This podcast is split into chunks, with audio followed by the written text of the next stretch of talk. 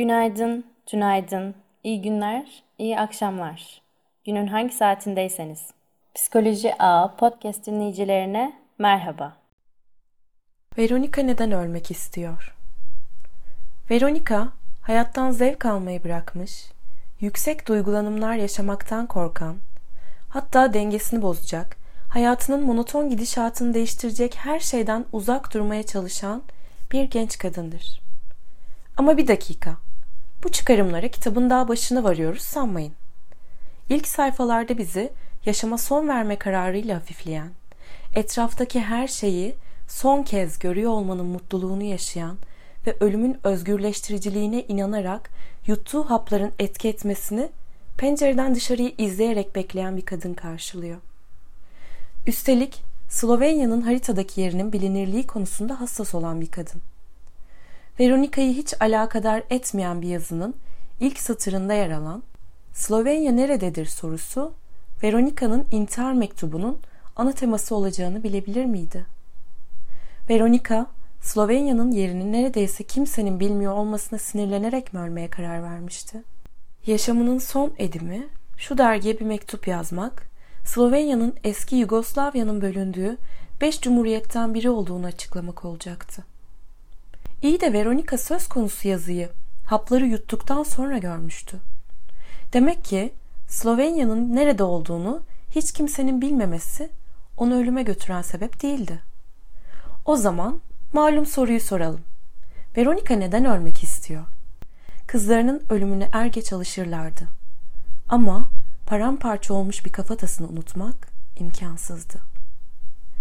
Veronika nasıl ölmesi gerektiğine karar verirken etrafı rahatsız, huzursuz ya da mutsuz etme ihtimalini minimum düzeyde tutmaya çalışmıştı. Ailesini daha az travmatize edeceğini düşünerek uyku haplarında karar kılmış, hayatının geri kalanında olduğu gibi riskten uzak, ailesini görece memnun edecek bir yol seçmişti. Ne fazla isyankar ne de çok dikkat çekici. Sessiz ve stabil. Peki bugüne kadar enerjisini neye harcamıştı? Yaşamının olduğu gibi devam etmesini garanti almaya çalışmaya. Ana babası kendisini çocukluğunda olduğu gibi sevmeyi sürdürsün diye pek çok isteğinden vazgeçmişti. Oysa gerçek sevginin zamanla değişip geliştiğini, yeni ifade yolları keşfettiğini bilmiyor muydu? Veronica henüz çocukken anne babası boşanma kararı almış ve Veronica bu boşanmaya engel olmuştu. Fakat ebeveynlerinin evliliği devam ettirebilmek adına ödediği bedelin altında ezilmiş, varlığını onları mutlu etme ya da en azından tedirgin etmeme üzerine konumlandırmıştı. Her şey için yeteri kadar çabalıyor, haddinden fazla sevinmiyor, üzülmüyordu. Yeni şeylere heves etmiyor, düşmeye fırsat vermediği için kalkamıyor, birbirini tekrar eden günler içinde kendini tekrar eden bir kadın olarak yaşıyordu. Korkaklık belki de. Ya da hiç yakını bırakmayan gerçekleştirememek korkusu. Bu üstün uyum ve başkalarını memnun etme çabası Veronica'yı yeterince yorduğunda, hayattan istediği başka bir şey kalmadığında, varlığı ona anlamsız geldiğinde Veronica ölmeye karar vermişti. Peki Veronica intihar mektubunu yazdığı güne kadar varlığına bir anlam yüklemek için gerçekten çabalamış mıydı? James Marcia'nın kimlik statüleri kuramına göre hayır. Kimlik gelişimini ele alan bu kuramda Marcia iki temel olgudan bahseder. Bunalım ve bağlanma. Bunalım kimlik arayışında olan bireyin yeni yolları keşfettiği bir süreçtir. Bağlanma ise kişinin kimliğine yaptığı yatırımdır. Bazen meslek seçimi, bazen de benimsenen ideolojidir. Bu iki sürecin işleyişine bağlı olarak dört farklı kimlik statüsü belirir. Dağınık kimlik için bunalım, keşfetme olmadığı gibi bağlanma unsuru da yoktur. Ne keşif ne de bir tercih söz konusudur. İpotekli kimlik, bunalım olmadan bağlanmanın olduğu, birey yerine ebeveynlerinin karar verdiği kimlik statüsüdür. Kararsız kimlikte bunalım varken bağlanma yoktur. Yahut belli belirsiz bağlanmalar vardır. Başarılı kimlik statüsünde bunalımlar vardır ve birey keşif sonunda başarılı bağlanmalar gerçekleştirir. Veronica'nın kimlik statüsü en azından yeni bunalım sürecine girene kadar ipotekli kimliktir.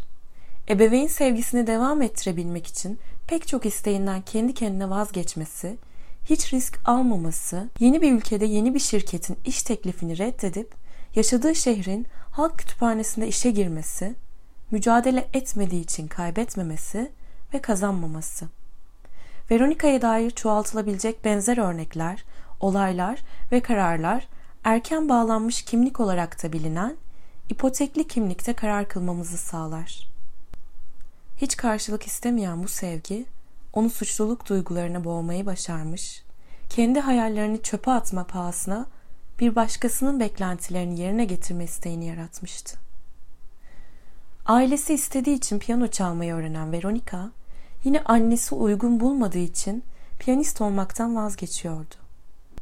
Düzeni bozan, risk içeren, ailesini üzebilecek, dengesini yitirmesine sebep olacak her şeyi kendinden çok uzakta tutuyor, cinsel birliktelik sırasında bile yeteri kadar haz alıyor fakat yaşadığı hayatı kabullenemiyor ve bir türlü anlam veremediği normlara da onları içselleştiremeden ayak uyduruyordu. Savrulmadan ve acılaşarak. Yapmak istediği her türlü deliliğe izin verilse bile ne yapacağını, nereden başlayacağını bilemezdi. Kendisine ait bir kimliği henüz kazanamamış genç bir kadın olan Veronica, ipotekli kimliğin mutsuzluğunu yaşamaktan ve tek düzelikten bunu almıştı. Bunalım sonucu keşfe çıkabileceği sırada ise daha önceleri olduğu gibi bu işe hiç yeltenmemiş, sorunu kökünden hallederek ölmeye karar vermişti.